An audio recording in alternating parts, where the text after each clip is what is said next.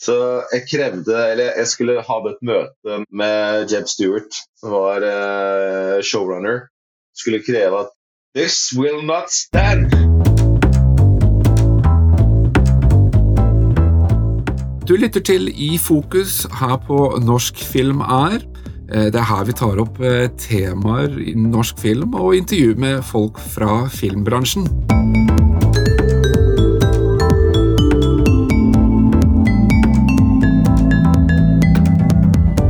I dagens episode så har vi med en gjest. Eh, han er skuespiller og har interesse for det meste innen vikingperioden, og har også en egen YouTube-kanal. Hjertelig velkommen, Kristoffer Rygg. Tusen takk for det. Hvordan er det å være skuespiller, Kristoffer? Ja, hvordan er det å være skuespiller? det, er, eh, det er fint, det, altså. Nå har jeg vært skuespiller eh, siden 2015. Så jeg har ikke vært uh, skuespiller hva skal man si, hele livet, sånn sett. Men uh, det var på en måte noe som jeg fikk en uh, stor interesse for da, i 2015, og har drevet med det aktivt etter beste evne siden. Vi skal komme litt mer inn på akkurat det med deg og ditt skuespill.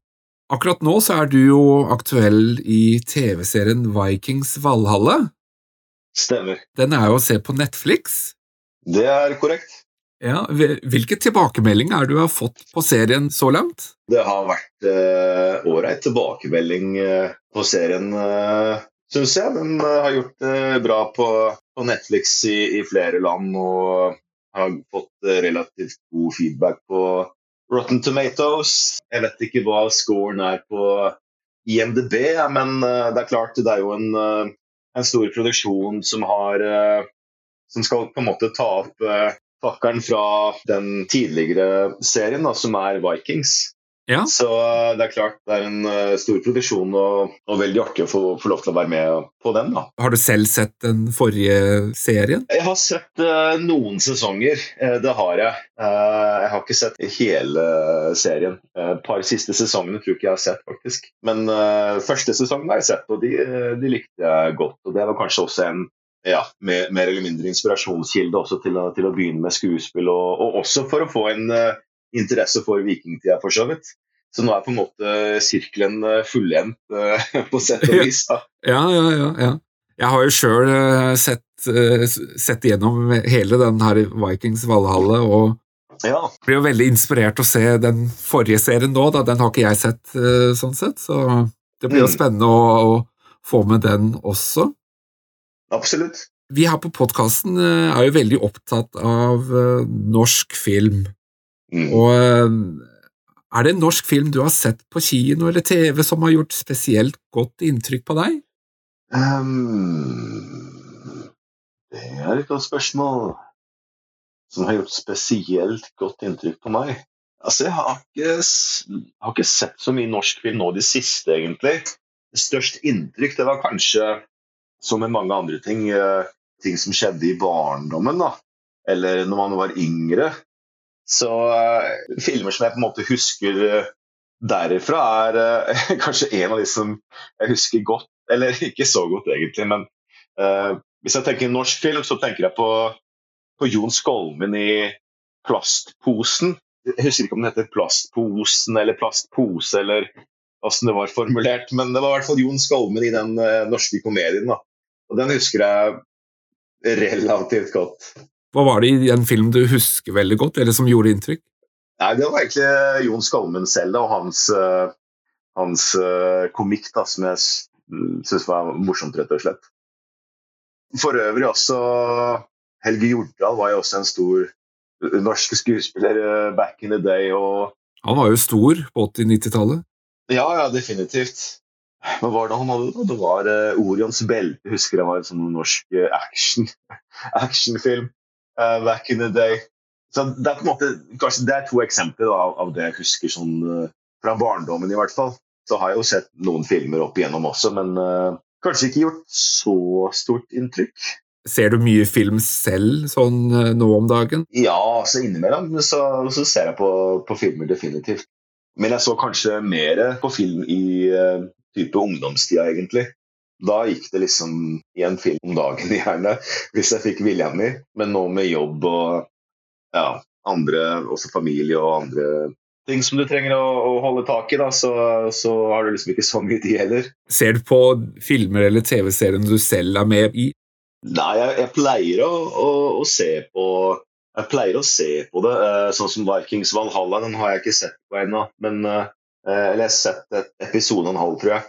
Ofte så er det jo slik at uh, som skuespiller så må du gjerne ha en showreel, ikke sant? Og da er det jo å klippe ut de beste øyeblikkene fra produksjoner som du har vært med på. da.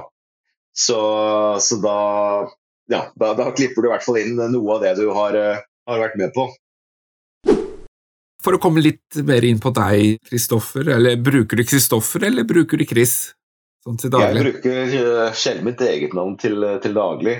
Jeg prater ikke om meg selv i tredjeperson som regel, men eh, Det er kanskje noen som gjør det, av skuespillere? det er mulig. Ja, noen gjør det sikkert. Men nei, altså Kristoffer eller Chris, det er Jeg lyder begge navn, jeg. Så det er, det er bare å velge og vrake. Hvor i landet kommer du egentlig fra? Jeg kommer ja, altså jeg er født i Porsgrunn bodde der et år på Klyve. Og så var det resten av oppveksten det var i Risør i, eh, i Aust-Agder.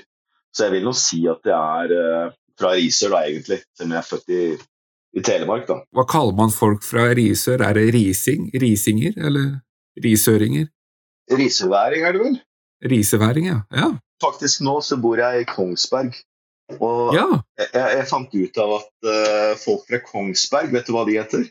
Nei. Kan du gjette? Kongsværinger? Nei. Nei. Det er faktisk kongsbergenser. Kongsbergenser, ja. Ja, det er jo Ja, det er uh, litt spesielt. Jeg ble nesten sjokka når jeg hørte det. Det, var, ja. uh, det hadde jeg aldri gjetta. Jeg har jo hørt uttrykket, men jeg trodde egentlig bare var tull. Det var litt den samme følelsen som jeg hadde.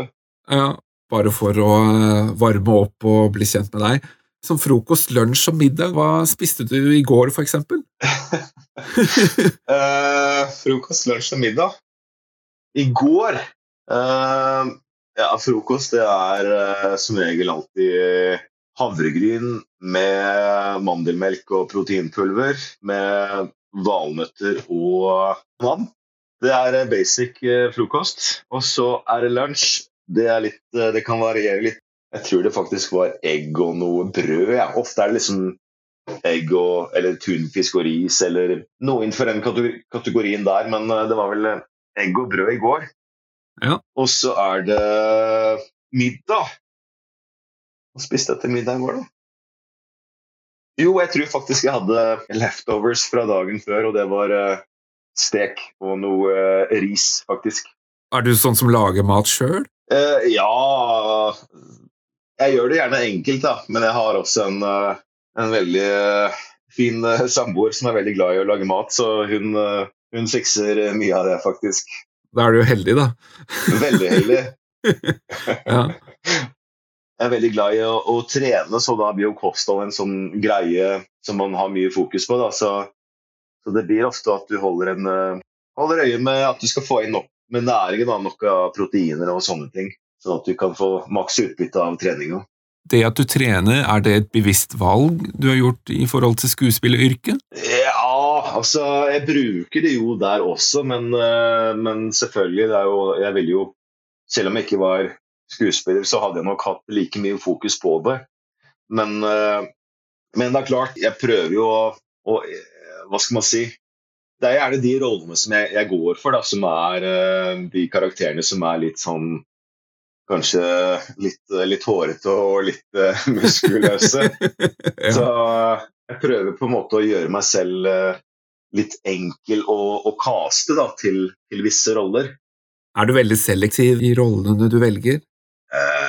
nei, jeg kan ikke jeg kan ikke påstå det. ikke foreløpig, i hvert fall.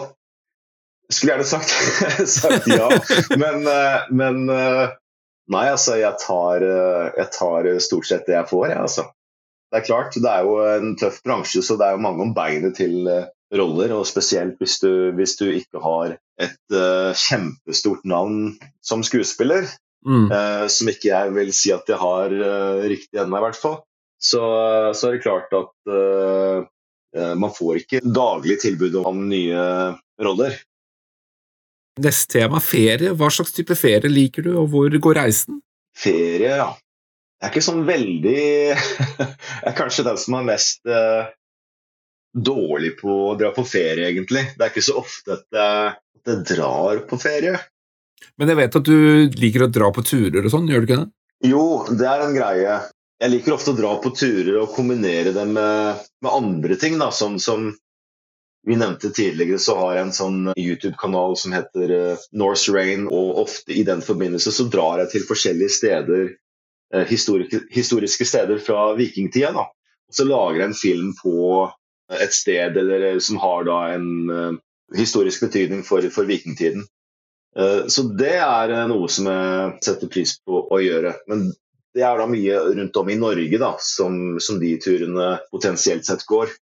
Det er flere steder som jeg har på planen som jeg ikke har vært ennå heller. F.eks. Uh, opp i Nord-Norge vil jeg gjerne dra mer f.eks.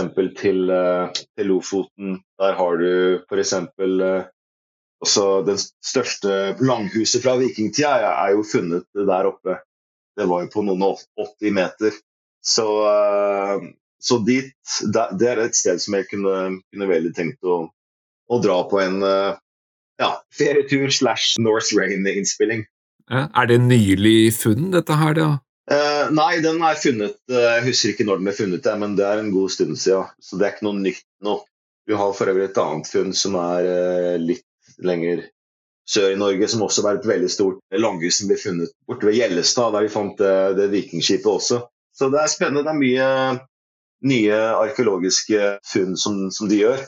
Så det er mye å, å, lage filmer om, da, eller videoer, hvis du er interessert i det, som jeg er. Vi skal komme litt eh, nærmere inn på den YouTube-kanalen litt seinere. Ja. Ekstrovert eller introvert, hvor havner du? Jeg, eh, jeg vil nok si introvert ganske lett, ja. Ja, ja definitivt. Introvert. Jeg har jo liksom inntrykk av at mange skuespillere er ekstroverte. Hvordan opplever du at skuespilleryrket er sånn i forhold til det å være introvert? Hvordan har det utviklet deg personlig? Først og fremst så tenker jeg at det er et spekter ikke sant? mellom det å være introvert og ekstrovert. Som regel så er det ikke en du er ikke enten-eller, men ofte så er det liksom du heller imot én av, av, sidene. da. Men i forhold til det å være skuespiller, så det er for så vidt ikke noe problem å, si, å være nei, unnskyld, introvert skuespiller heller. Det går vel mer på det at uh, så hvor du kan hente, hente energien din. da, om du får den da alene eller med lite folk, eller om du får den fra litt større grupper. Og jeg får den definitivt fra, fra mindre grupper. Som, som, barn så var jeg vel litt sjenert uh, og likte ikke å gjøre så veldig mye ut av meg. da. I hvert fall ikke i, settinger hvor det var flere folk involvert. Så det er vel noe også som uh, jeg har tatt med meg også litt sånn opp i voksen alder også det å være litt sånn sjenert i public settings, eh, holdt jeg på å si.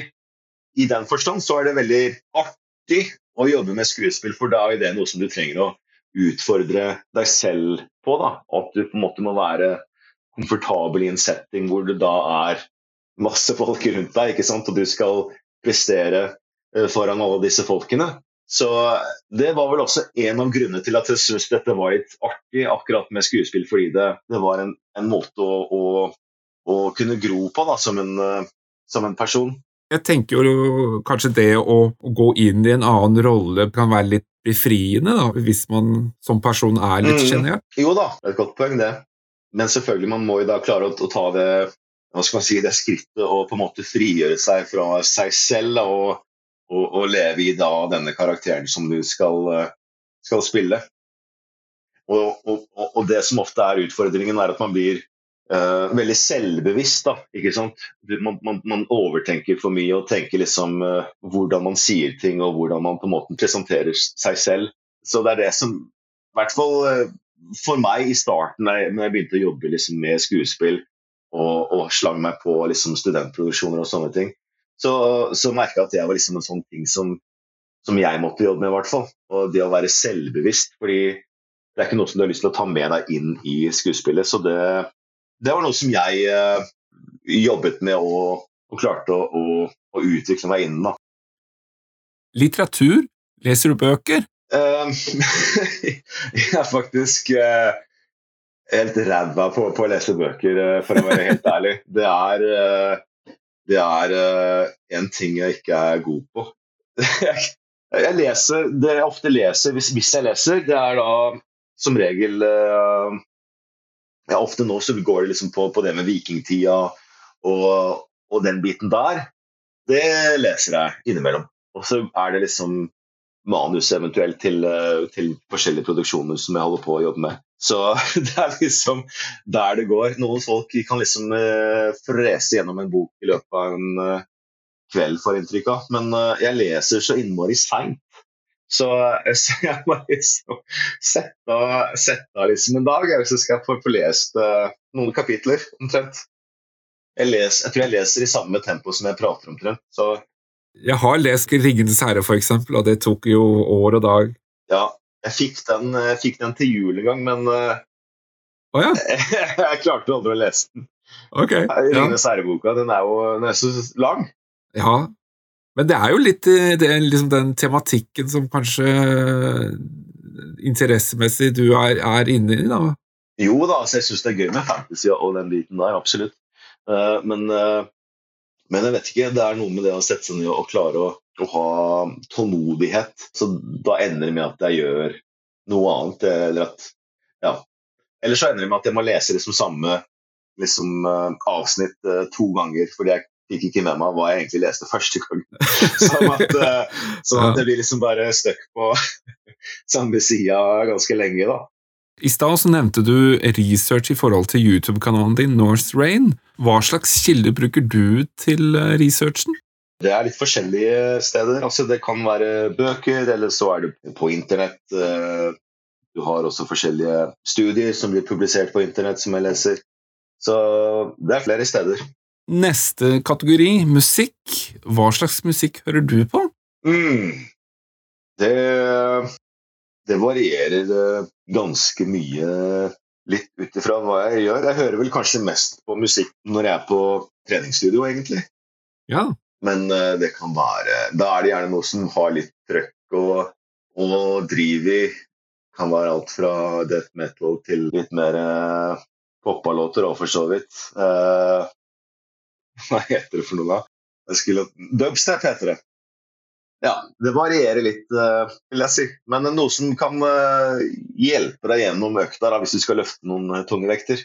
Når vi først er inne på musikk, du er jo også involvert i et sånn musikkprosjekt, har jeg hørt? Mm, ja, stemmer det. Det er uh, Noxium Ferus. Det er et norsk death metal-band oppe fra, fra Vestlandet. Jeg kom i kontakt med en, en kar der, og han hadde da et, et musikkprosjekt. Og trengte egentlig bassist og også en som kunne hjelpe til med å, å mikse litt. Så jeg slang meg på der, og ja, nå har jeg vel strengt tatt bare vært med på et uh, par øvinger. Men da spiller jeg bass uh, i hovedsak da, i, i, dette prosjektet, og har også vært med å mikse i hvert fall noen tidligere mikser. Og nå har altså bandet kommet ut med sin uh, første singel.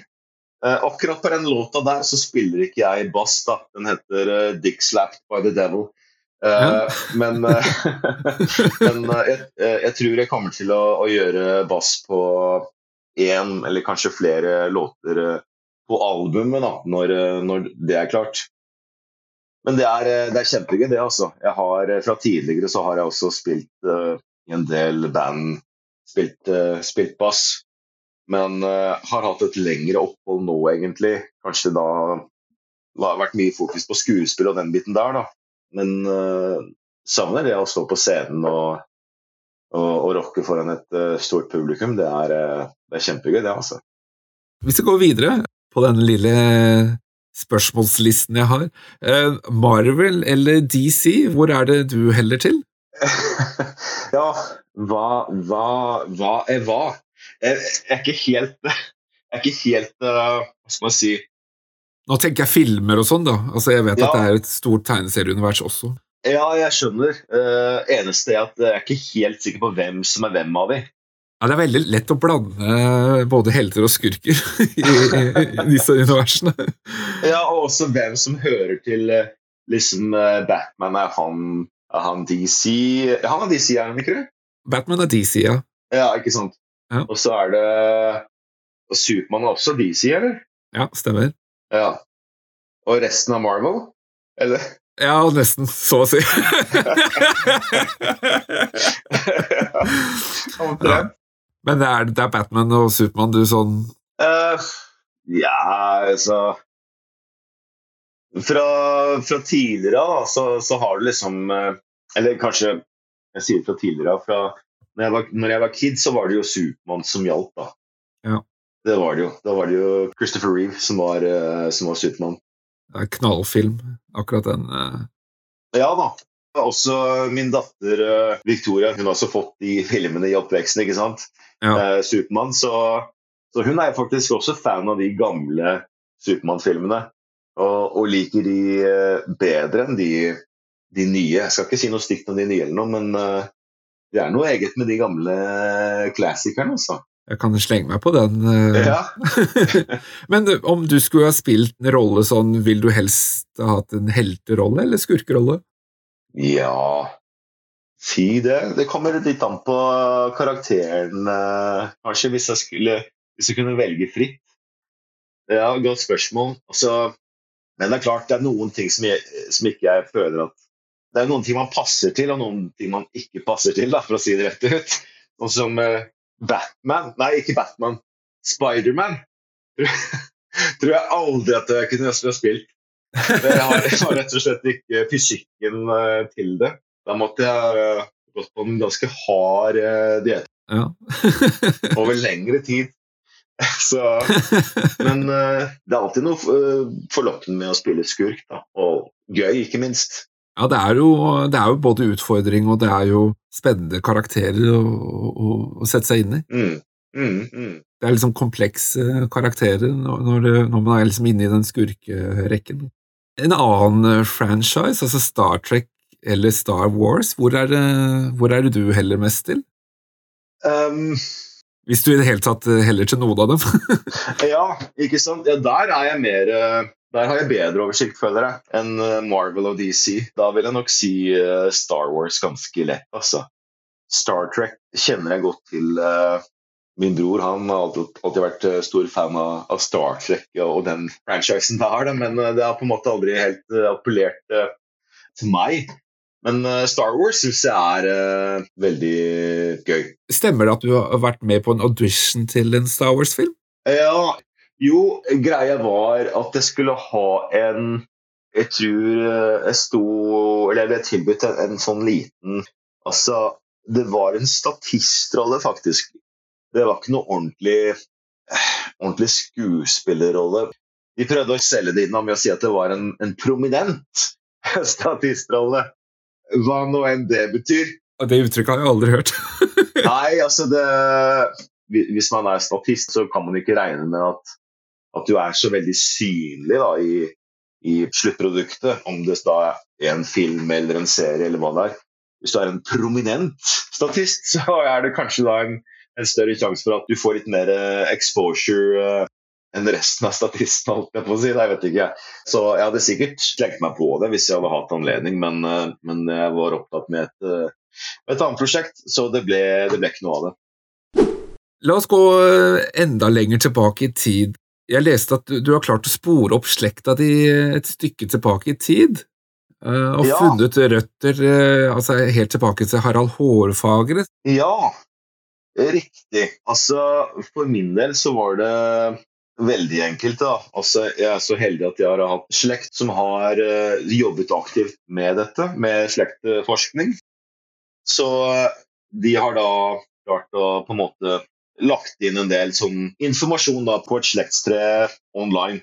Så for meg så var det rett og slett bare å, å logge meg inn der og bare plotte inn mine, min info. Og så, og så, var det rett og slett bare å, å, gå tilbake og se hvem som var eh, far til far til far til mor til far til mor til far, altså videre bakover, da. Så, eh, men selvfølgelig, det er klart at man må også ta det med en liten klype salt. Da, for man vet jo altså, Når det er så langt tilbake i tid som, som, over 1000 år, så kan det hende at det har vært en uh, Ja, det har vært en liten affære, da, vet du.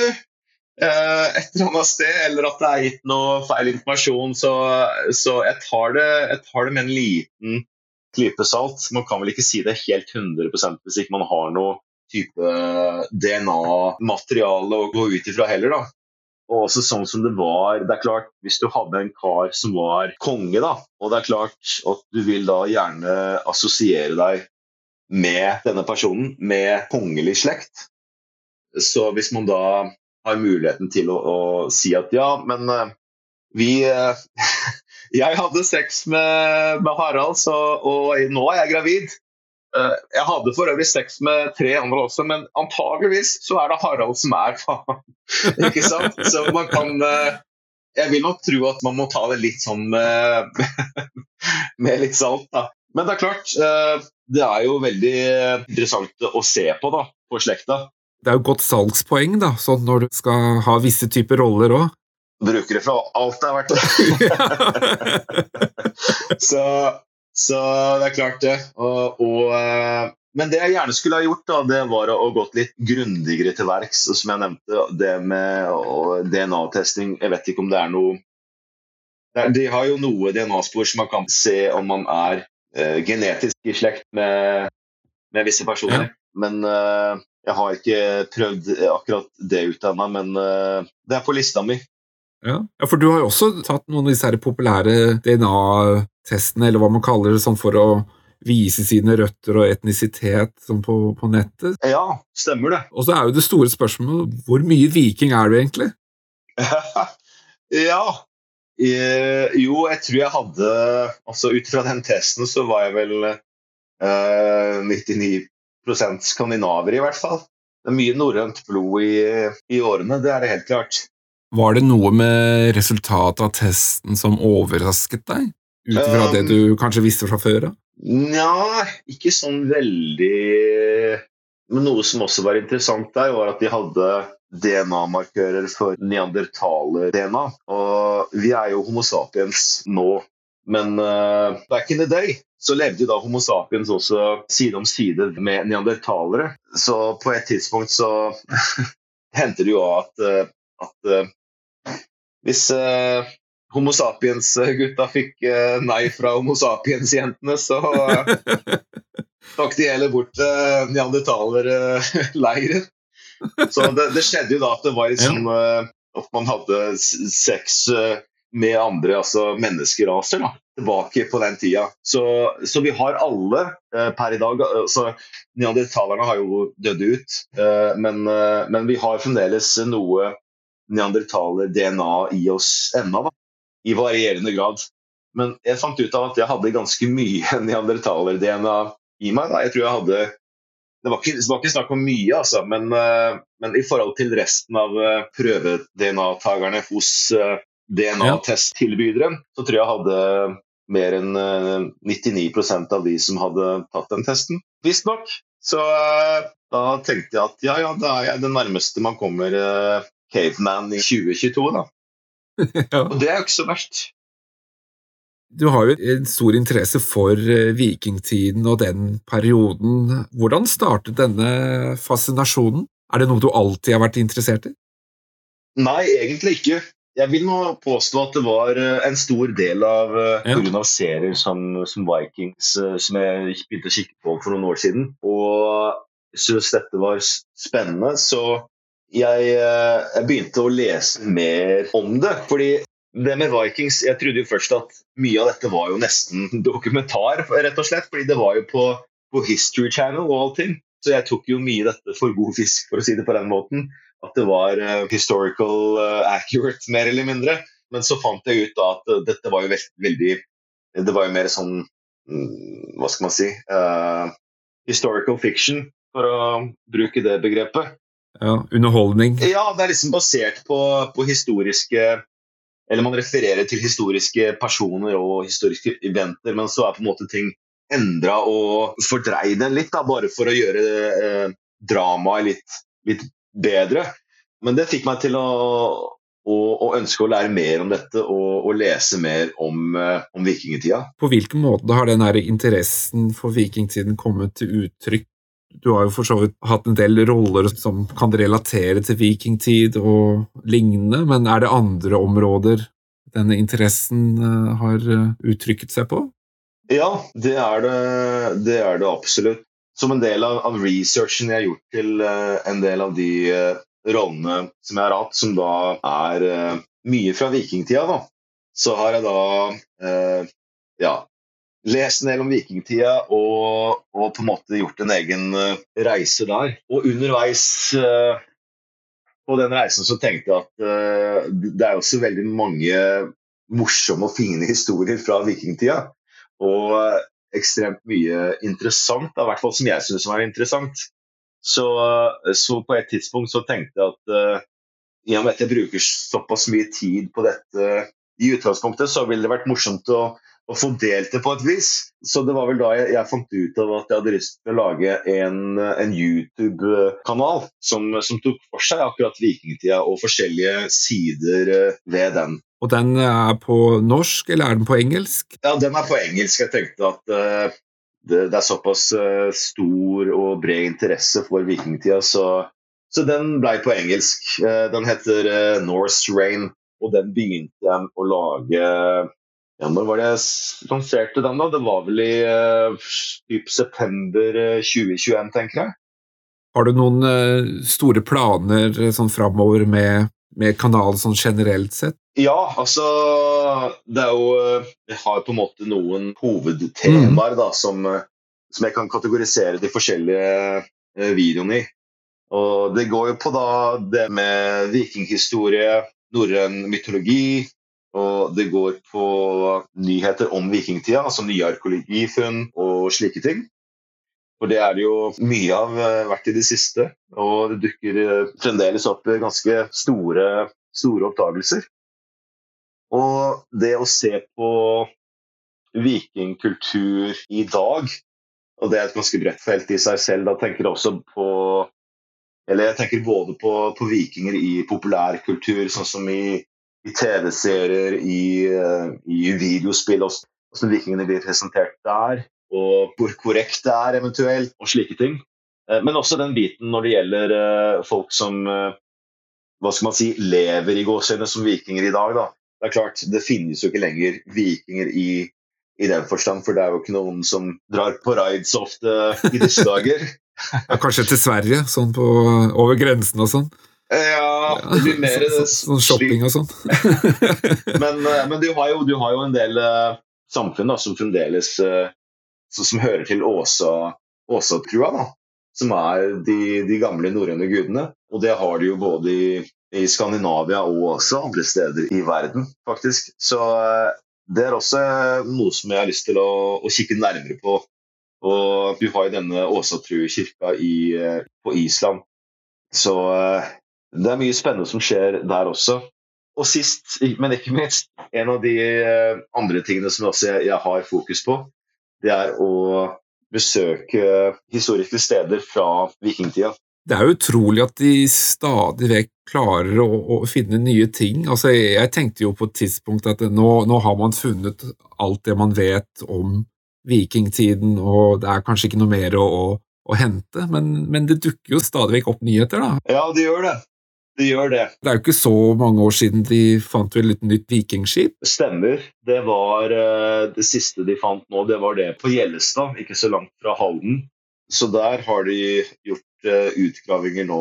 Men de holder vel fortsatt på, gjør de ikke det? Jeg tror de er ferdig med selve skipet, men nå har de begynt å kikke på området rundt, rundt skipet. Og der har de også gjort en del eh, veldig spennende funn, bl.a. at de fant dette langhuset som er eh, Skandinavias nest lengste langhus fra vikingtida.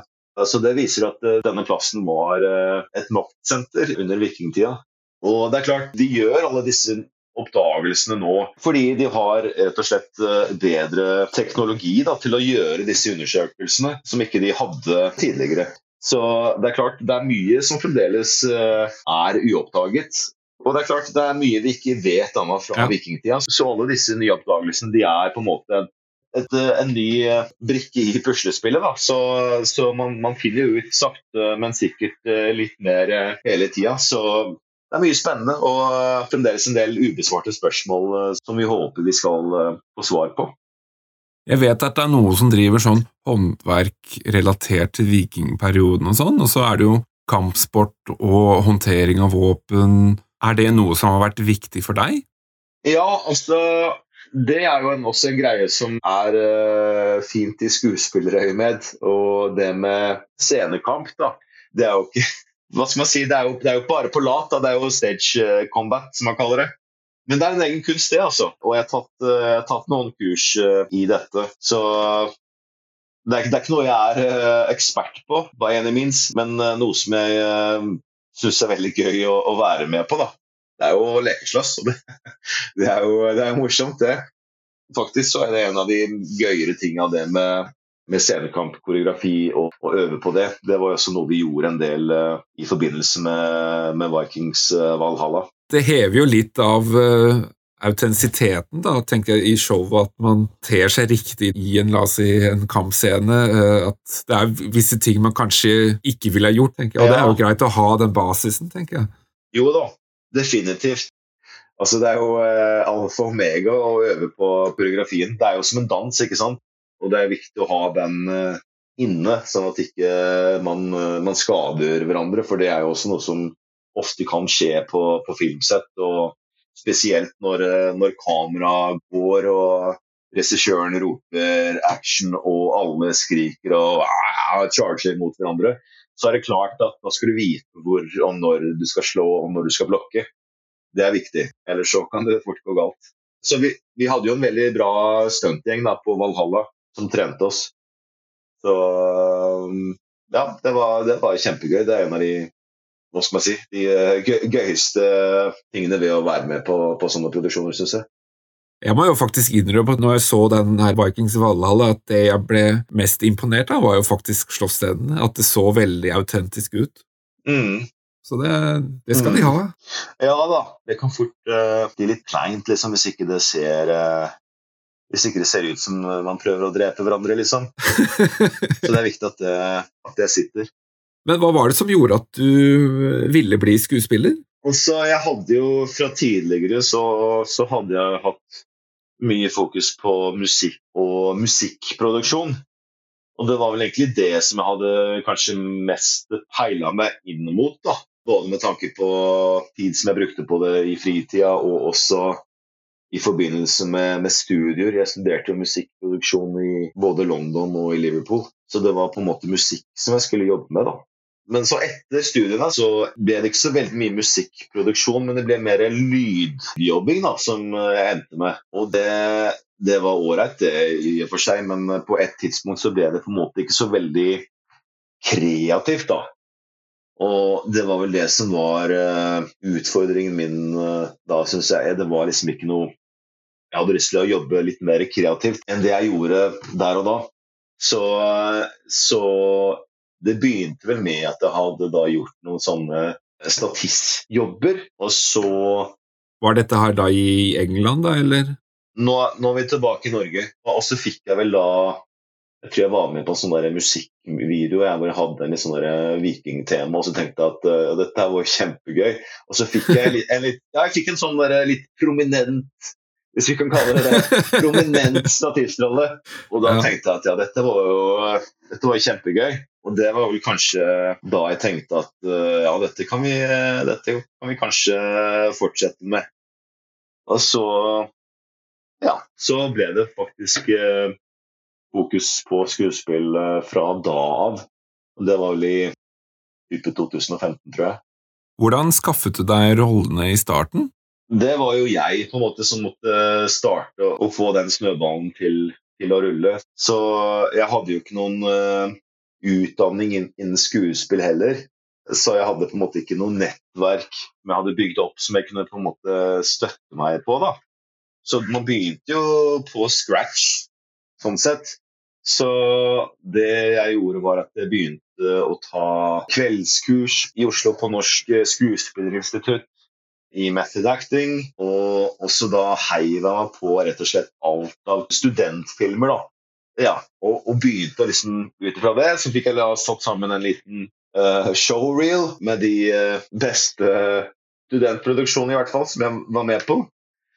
Og så, ja var det rett og slett å bare søke på jobber. Uh, og alt fra det minste man kunne finne til også litt store ting. Men utfordringen er jo at man får jo aldri access, man får ikke tilgang til de store, gøye rollene uten å ha en agent, da, i de fleste tilfeller. Så det var jo det som var målet mitt, å, å klare å få tak i en agent. Og det fikk jeg også da etter hvert, da, etter litt jobbing. Men hvor er det du henter inspirasjon fra? Altså, det er klart, Du har jo noen skuespillere som, uh, som gjør inntrykk på deg mer enn andre.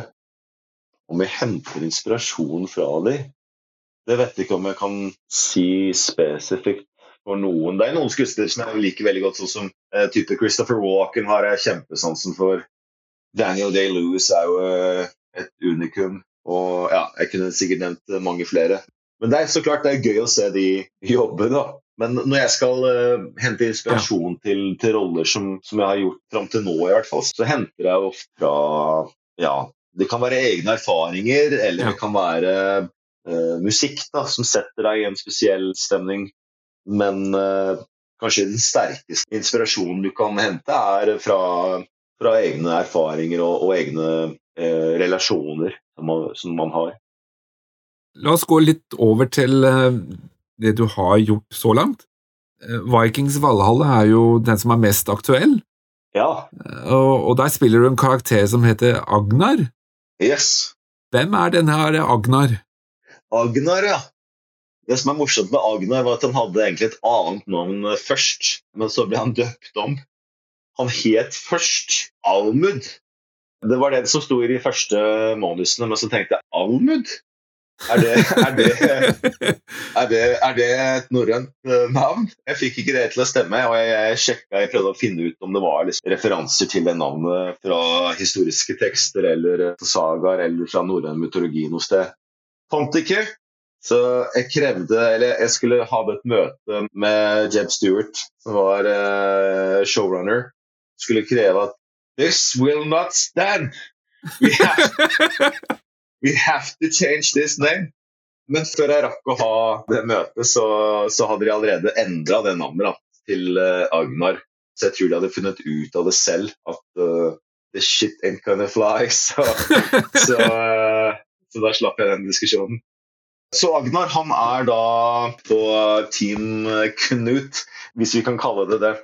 Han er uh, en av uh, Knuts uh, La oss kalle han Knuts høyre hånd, eller Knuts muscle, hvis vi kan kalle det det.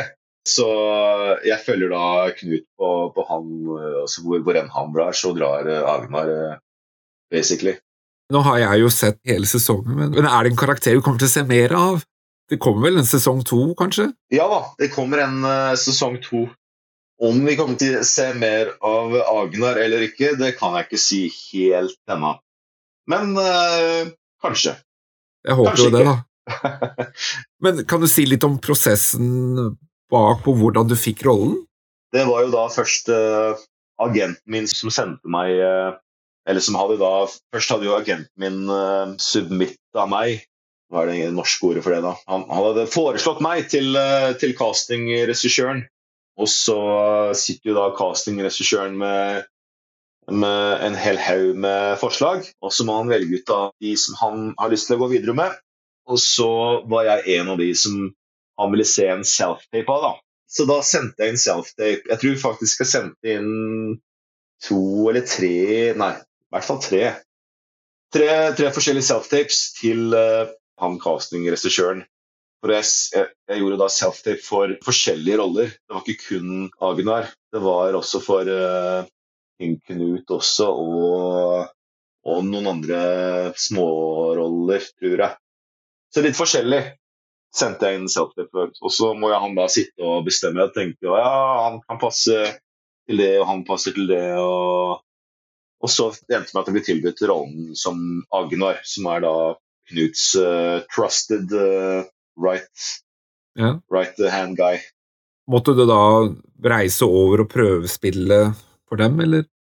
Jeg fikk den på self-tape, og av og til så kan det hende at producer eller eh, noen i produksjonen har lyst til å se deg på en eh, videosamtale over nett, eller eh, at de vil se deg gjøre rollen der også. Eh, men det var ikke tilfellet her, da. Så etter at jeg hadde sendt inn da ja, jeg sendte vel inn tre eller fire self-tapes, så ble jeg tilbudt rollen som da Agnar. Fortell litt om hvordan en dag på filmsettet i, på Vikings Valhall forløp. Ja, det ble jo uh, filmet uh, når uh, covid holdt på på sitt verste, holdt jeg på å si.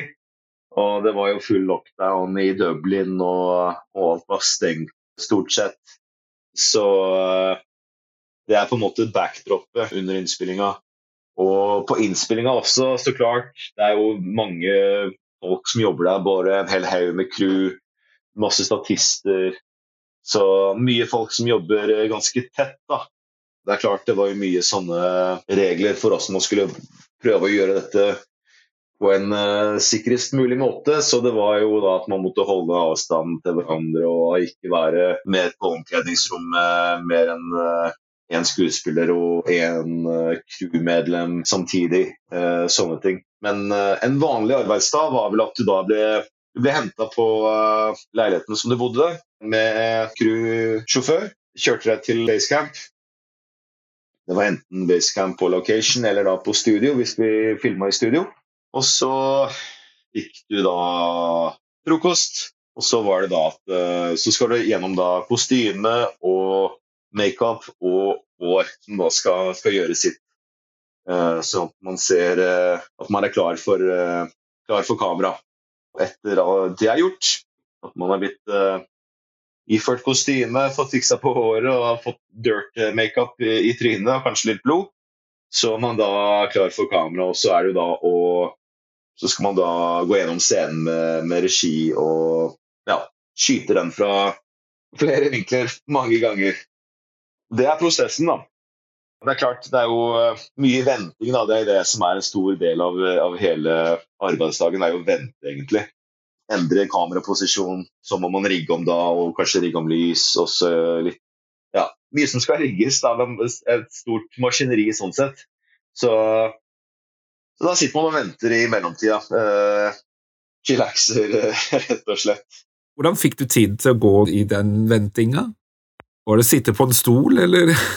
ja, det var det, var det altså. Sitte på en stol i, i castingtentet og rett og slett vente. Enten så kan du kan jo ta med deg en bok og lese litt i den, eller så kan du prate med de andre skådisene som du jobber sammen med. Eller så kan du jo strikke hvis du har med deg strikketøyet ditt. Det, det er uh, whatever floats your boat. Du nevnte at denne serien var spilt inn i Dublin. Er det andre steder den har spilt inn også? Uh, nei. Mye er spilt inn i studio der. Uh, de har et stort uh, studio. Det er også samme studio som de brukte til, til altså den forrige Vikings-serien. Så samme studio, og også mye av de samme locations, sånn som Kattegat fra, fra, Vikings, er jo også med her i Vikings Valhalla. Bare at nå er Kattegat blitt større, da. Det er jo uh, satt uh, ca. 100 år etter Vikings avsluttet, så Kattegat har jo vokst litt siden den gang. Men det er også da filma i Wicklow-området, ved en innsjø der, faktisk. Jeg ser jo at noen av de produksjonene du har vært med i, så er det jo en rekke altså si, større skuespillere også, altså skuespillernavn. altså Michael Kane, for eksempel i Medieval, har jeg sett et navn som har dukka opp Ja. på filmografien din. Og så er jo også selv Viking Valhalle har jo også noe, et par større navn. altså Søren Pilbark, en dansk skuespiller som jeg har hørt mye om, i hvert fall. Mm. Um, Ja da. og jeg, jeg så jo på den scenen at liksom bare det at han, når han var med i scenen, så liksom heva liksom scenen seg ganske mye, altså et par hang Mm. opp. Eh, hvordan, hvis du kan relatere til det, hvordan merket du at når det var sånne store navn på scenen, så merka merker det på samme måte når scenen blir spilt inn, at dette her er er, er liksom par hakk høyere opp? Um, nei, egentlig ikke. Nei? Egentlig ikke. Det er, det er ikke noe jeg tenker på på sånn sett, egentlig. Det eneste var når det gjaldt Medieval. Når, det er klart, når Michael Kane kom på sett, så var det jo litt sånn bare Oi, Michael Kane! Ja. og nå skal jeg spille en scene med Michael Kane. Det er jo Det er klart, det er jo eh, Det gjør jo litt inntrykk. Eh, I hvert fall når det er sånne skuespillere som du har eh, sett på når du gikk i, i bleie, liksom. Så er det klart at det gjør litt inntrykk. Man blir litt rettere i ryggen da, når han kommer på scenen. jo da, du får jo litt sånn eh, Det er klart det er jo eh, Hva skal vi kalle det da? Ærefrykt. Det er eh, Man har jo veldig respekt for gamle ringrever, alt jeg på å si. Så det er klart det er Det er morsomt å, å, å jobbe med dem. Men når man er i karakter, så tenker man ikke nødvendigvis så mye på det, egentlig. Men ellers så er det klart at man har enorm respekt for dem. Du nevnte Medieval. Hva slags rolle er det du har i den, hvis du kan si noe om det? Det kan jeg godt si. Jeg spiller da karakteren som heter uh, Mick. Ikke så veldig norrønt navn, men jeg skal ha på en måte litt uh, Jeg har vel en slags uh, norrøn bakgrunn, uten at jeg skal si altfor mye om det. Men jeg spiller da en Mick, denne Mick som jobber som en eh, leiesoldat. Og da jeg blir med i gjengen til eh, Jan eh, Skiska og blir med ut på oppdrag eh, i lag med han og resten av hans bande, holdt jeg på å si. Det blir spennende å se den filmen når den kommer ut. Ja, den har jo vært i postproduksjon nå i flere år, faktisk. Så det er jo lenge siden vi spilte Ja. den, så jeg er spent på å se den når den endelig kommer ut. Det er jo da Ja, jeg husker ikke hva han heter, men uh, han som klipper filmen, er jo han samme som som klippet Braveheart, uh, vet jeg. Så eh, hvis den kan være i nærheten av, av det nivået, så blir jeg veldig fornøyd. Jeg ser jo at en del av de produksjonene du har vært på, er jo utenlandske produksjoner. Vil vi kunne se deg i noe norsk etter hvert, eller er det, fokuserer du mest på utenlandske Ja, altså, altså Jeg må si at det er lettere å, å få jobb i utlandet enn det å få jobb i Norge, altså. I hvert fall eh, fra min erfaring så er det tilfellet. Og det er jo så klart flere grunner til det, da. Altså Norge er jo et relativt lite produksjonsland. Det er ikke så veldig mye produksjoner av, av filmer og, og serier her til lands, sammenlignet da med, med utlandet. Og så har det også med å, gjør at uh, agenten min, han er jo britisk. Så det er klart, hvis det er produksjoner i Norge, så ringer det ikke liksom de, de engelske agenturene fordi hvor jeg er registrert, holdt jeg på å si. Det må være løsningen, eller det må være svaret på det. Uh, jeg tror også for øvrig at uh, i og med at det er såpass Altså Det er en ganske stor uh, fallhøyde tenker jeg da, hvis, innenfor norsk film- og serieproduksjon. Så Man vil jo gjerne at eh, hvis du først investerer såpass mye penger i en produksjon, så vil du at den skal gjøre det bra. ikke sant? Du har ikke lyst til å gamble. Så jeg tror også mange produksjoner velger å gå for eh, mange av de skuespillerne som de vet klarer å levere, og som, som har levert tidligere, da, som har en, en proven eh, track record. da. Sånn at kanskje ikke så veldig mange nye skuespillere kommer inn. Det er ikke alltid det er tilfellet, da. For de som ikke kjenner deg av utseende, så vil jeg jo beskrive deg å ha et vikinglook eller vikingimage. Er dette her et bevisst valg i forhold til din karriere? Ja, det er egentlig det, altså. Fordi eh, jeg har eh, gått inn for å prøve å gjøre meg selv eh, veldig castable for noen typer roller. Type, type vikinglook, som du sier. Det er jo egentlig det jeg, jeg går for. Så, så jeg har latt uh, håret og skjegget gro og prøvd å legge på meg uh, så mye muskler som mulig. Ja, og rett og slett være han, eh, han uh, vikingduden, da. Føler du at det valget har gjort det lettere for deg å lande roller?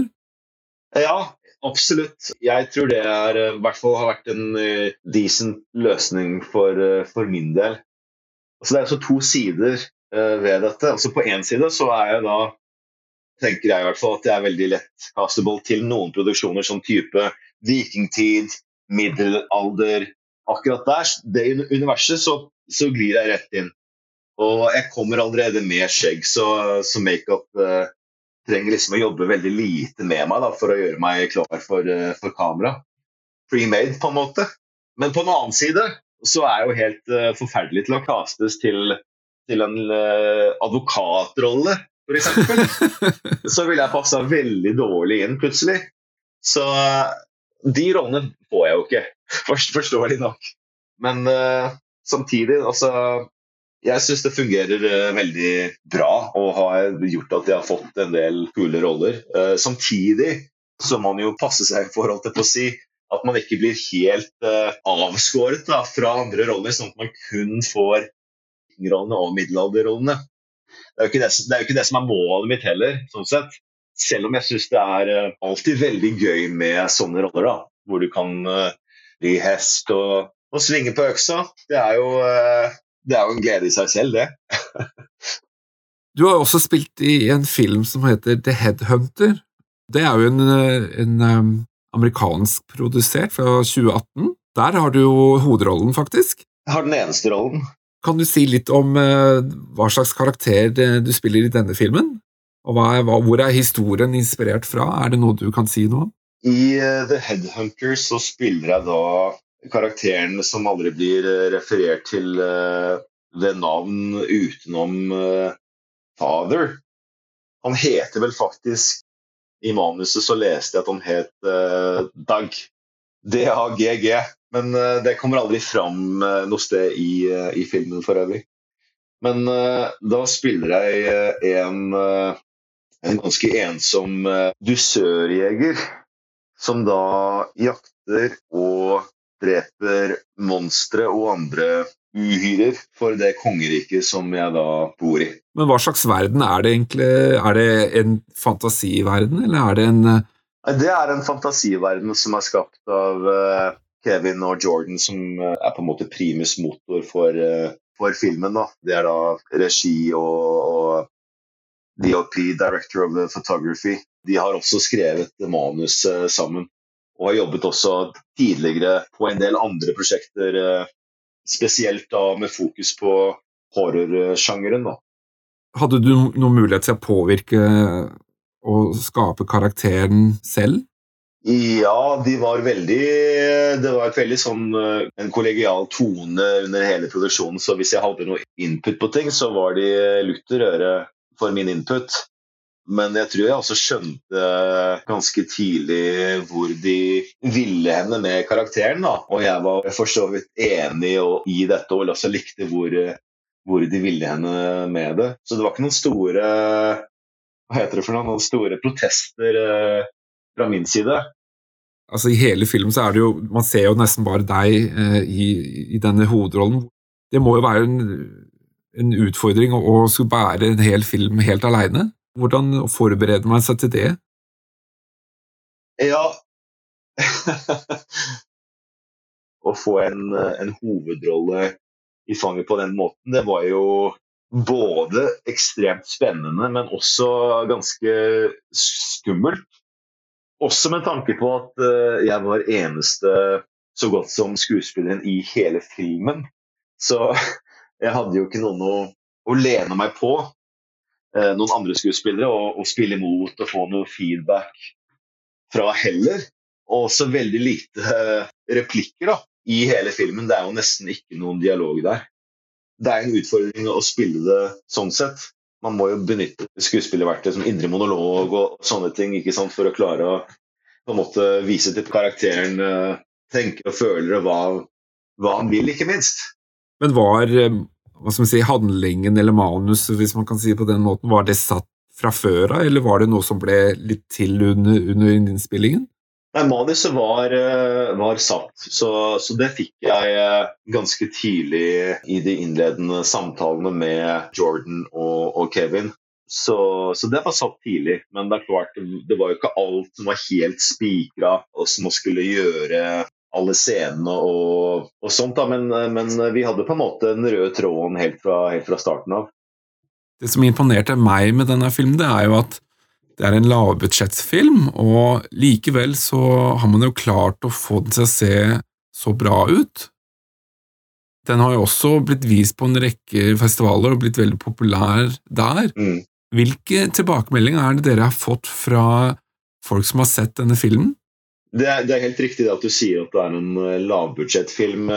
Det er jo uh, Kevin og, og, Jordan som på en måte har, har spytta inn penga der fra, fra, egen lomme som de har på en måte tjent fra tidligere produksjoner. da. Og det var vel Det var vel 30 000 dollar som de spytta inn i den produksjonen. Og det er jo ingenting i forhold til andre produksjoner. Det er jo eh, ekstremt eh, lite penger i, i filmsammenheng. Jeg syns det er utrolig hva man har klart å få ut av den sum penger, da, altså i, i en sånn filmproduksjon. Ja da, det er klart. Eh, men man har jo også tjent inn, eller spart inn der man kunne spare inn også. Sånn som produksjonen, eller hoveddelen av produksjonen ble da skutt i, i Portugal. Og da, da, bodde vi hos, uh, hos bestemora til, uh, til, Kevin, som hadde et hus der i en liten landsby.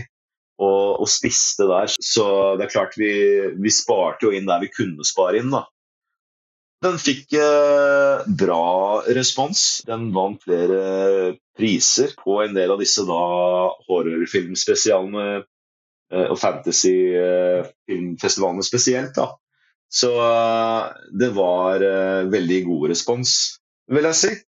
Eh, jeg var jo litt eh, spent på når jeg skulle bli med på prosjektet i starten. Da, ikke sant? Når jeg kom til Jeg møtte jo disse gutta i Spania. Jeg tok et fly til Spania, og så henta de meg der i en litt sånn gammel, uh, sliten uh, Honda Civic og, og, kjørte meg over grensa til, uh, til, Portugal.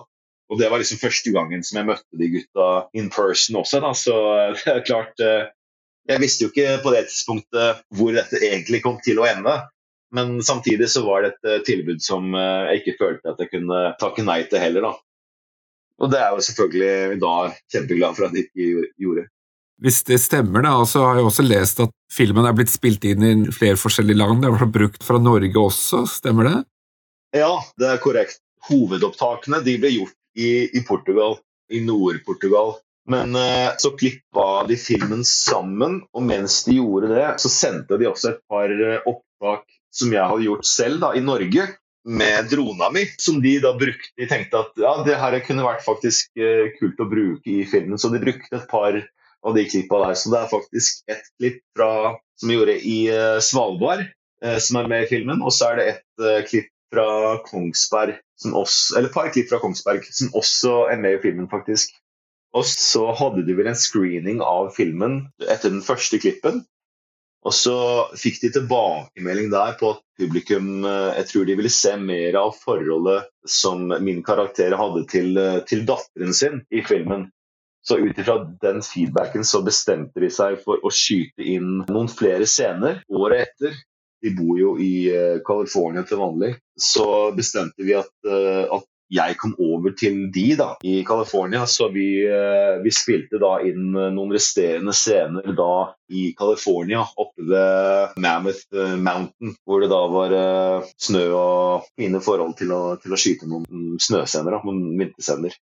Vi skal jo snart eh, til å runde av denne episoden, men du hadde jo et YouTube-prosjekt som vi har snakka litt om, altså Norse Rain. Ja. Kan du si litt om hvorfor folk skal se på den kanalen?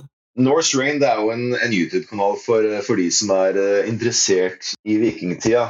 Og uh, jeg tenker også at det er veldig fint å ha den type informasjonen tilgjengelig det er mange som ser på Vikings eller Vikings Valhalla, og så, og så blir de interessert og, og, glad i vikingtida ved å se på, på disse seriene. Men uh, samtidig så er det jo veldig mye der som ikke er helt historisk innafor, for å si det på den måten. Jeg nevnte det kanskje tidligere, så er jo mye av det som, som er der, det er basert på historiske karakterer og historiske hendelser, men, men ofte så har de på en måte for the purpose of uh, av uh, drama, så har de da endra på en del ting. Og så har de på en måte klasja folk sammen som egentlig ikke møttes i det hele tatt. Men for å gjøre drama mer spennende, da. Jeg syns det er helt greit å gjøre dette. for å skape et drama, men uh, man må på en måte ta det for hva det er. Da, ikke sant? Det er en, det er en, uh, det er en TV-drama, det er ikke en dokumentar. Men, men, så tenkte jeg da at det er jo ålreit å, å, faktisk vite hva som egentlig skjedde også. så der, det er også en, driv, en stor drivkraft for min del da, til å også starte Norse Rain hvor jeg da kunne presentere alle disse historiene uh, som faktisk skjedde i vikingtida, og, og, hvordan de da uh, faktisk skjedde. Hva er det som kommer på kanalen neste gang? Er det noe du, spennende du jobber med? Det er flere ting. Det er flere ting. Jeg prøver jo å, å legge ut en, eh, en, ny video røftlig en gang i uka. Det er ikke alltid jeg rekker det, uh, men røftlig så er det en video i uka. Noen av de tingene som jeg har lyst til å kikke på nå fremover, det er jo da jeg lager jo bl.a. En, en video om åssen det var uh, å, å, jobbe på Vikings Valhalla. Og så tenkte jeg også å inkludere en del sånn behind the scenes-fotografier og litt footage fra de opptakene. Så det kan være interessant hvis du er glad i serien og har lyst til å se litt behind the scenes eksklusiv footage. Du er jo også på Facebook med den North Rain? Ja da. Norse Rain er på, på, YouTube. Det er på en måte contentet ligger da. Så har jeg altså en Facebook-kanal og en Instagram-konto som jeg altså legger ut litt dateringer. Men uh, det er jo YouTuben som er hoved, uh, hovedkanalen her, da. Har du lyst å se og høre mer om vikingtiden og hvordan de levde da? Se behind the scenes fra Vikings Valhalla? Ja, stikk innom YouTube-kanalen Norse Rain. Du finner altså linken i shownotes sammen med linker til Facebook og Instagram. Kommer vi til å se deg på noe film eller TV framover? Ja, det kan hende. Jeg har noen prosjekter eh, på gang, men eh, jeg kan ikke si så veldig mye om det foreløpig. Men snart så kan jeg sikkert røpe litt mer. Men, eh, men enn så lenge så, så, er det ikke så mye jeg kan si. Det jeg kan si, er jo at denne Medieval-filmen som har vært i postproduksjon i nå jeg vet ikke hvor lenge, ja. Den kommer ut i år, endelig, har jeg fått høre. Så den, eh, den gleder jeg meg til å se en trailer fra. Det gjør vi også. Det er bra. Da takker jeg for at du hadde lyst til å være gjest hos oss, Kristoffer eh, Ring. Ja, my pleasure. Hva er din favoritt-viking-TV-serie eller film? Ja, stikk inn på vår Facebook-side og fortell oss det. Du kan også legge inn kommentarer eller tipse oss om temaer som du vil at vi skal snakke om. Vi har en rekke andre spennende episoder på vår podkast. Vi ligger da på Spotify, Apple Podkast og Google og en rekke andre apper også. Da er det bare å si ha det bra. Hei og hå.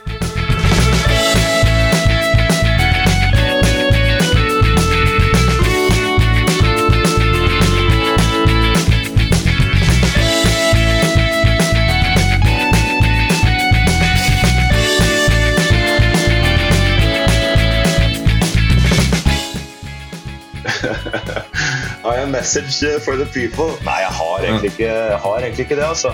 Nei, Jeg må ikke ha noe å si heller. Det er ikke alltid man har noe å si. vet du. Vær snille og greie med hverandre, og, eh, og jobb hardt for det. Så that's my message to you.